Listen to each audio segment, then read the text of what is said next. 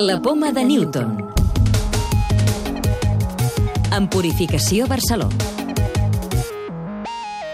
Aquesta setmana la protagonista principal de la poma de Newton és una proteïna, la galectina 1, que podria ser molt determinant en el càncer de pàncreas. També us parlarem de forats negres i de les increïbles propietats del grafè. Investigadors de l'Institut de Recerca Hospital del Mar han comprovat que la galectina 1 actua com a potenciadora del càncer de pàncreas i que si s'inhibeix, els tumors creixen més lentament i s'incrementa la supervivència. A més, si es bloqueja aquesta proteïna, el sistema immunològic s'activa amb més força contra el tumor i disminueixen les possibilitats que aparegui metàstasi.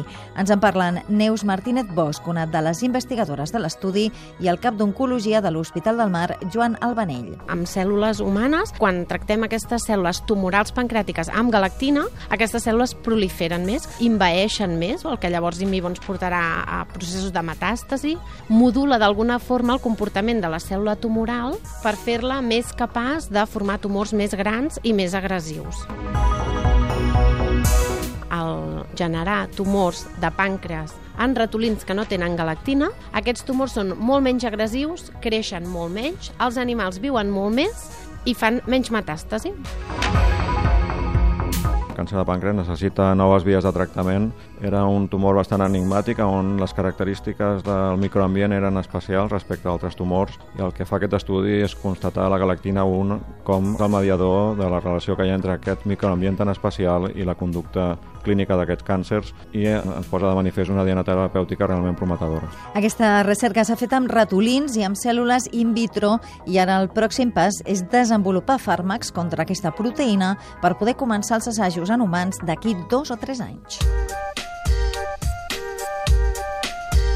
Us expliquem també que els astrònoms han descobert el forat negre més antic, és a dir, més llunyà detectat fins ara. Es tracta també d'un dels més massius, 800 milions de vegades més gran que el nostre Sol. Els científics l'han pogut localitzar perquè s'estan passant literalment una galàxia. Això fa que emeti molta energia. Ho explica l'expert en forats negres i catedràtic de la física de la Universitat Autònoma, Enrique Fernández. Lo que es importante es que tiene una masa muy grande. 800 millones de veces la masa del Sol. Entonces se puede observar mejor. Cae masa dentro del agujero negro. Al caerse la, la masa, se emite luz. Y cuanta más luz emite, más fácil es de observar. Esto permitirá que se observe des, desde varios telescopios y se hagan más estudios. ¿no? L'Observatori Astronòmic Herschel de l'Agència Espacial Europea és el descobridor d'un parell de galàxies massives a punt de fusionar-se. Un descobriment molt inusual que ens aporta informació sobre els inicis de l'univers, quan només tenia mil milions d'anys. Aquest tipus de galàxies es consideren les progenitores de les actuals, com ara la nostra, la Via Làctia, i fins ara els astrònoms tenien molt poca informació sobre com es van formar. Investigadors de la Universitat de Barcelona han descobert que el zinc limita l'acció del bacteri responsable del 80% de les infeccions d'orina. La recerca ha demostrat que el zinc regula la virulència del bacteri que causa la malaltia, la qual cosa obre la porta a dissenyar noves teràpies, sobretot contra soques resistents. Les infeccions d'orina són un problema de salut mundial amb 150 milions de nous casos cada any. La clau de volta. Per què és tan important el grafè? Aitor Mugarza, investigador de l'Institut de Nanociència i Nanotecnologia de Catalunya. Es un- una estructura muy simple, solo tiene átomos de carbono en una forma hexagonal y solo tiene un átomo de espesor. Pero con esta estructura pues poder eh, batir récords eh, en todo tipo de propiedades.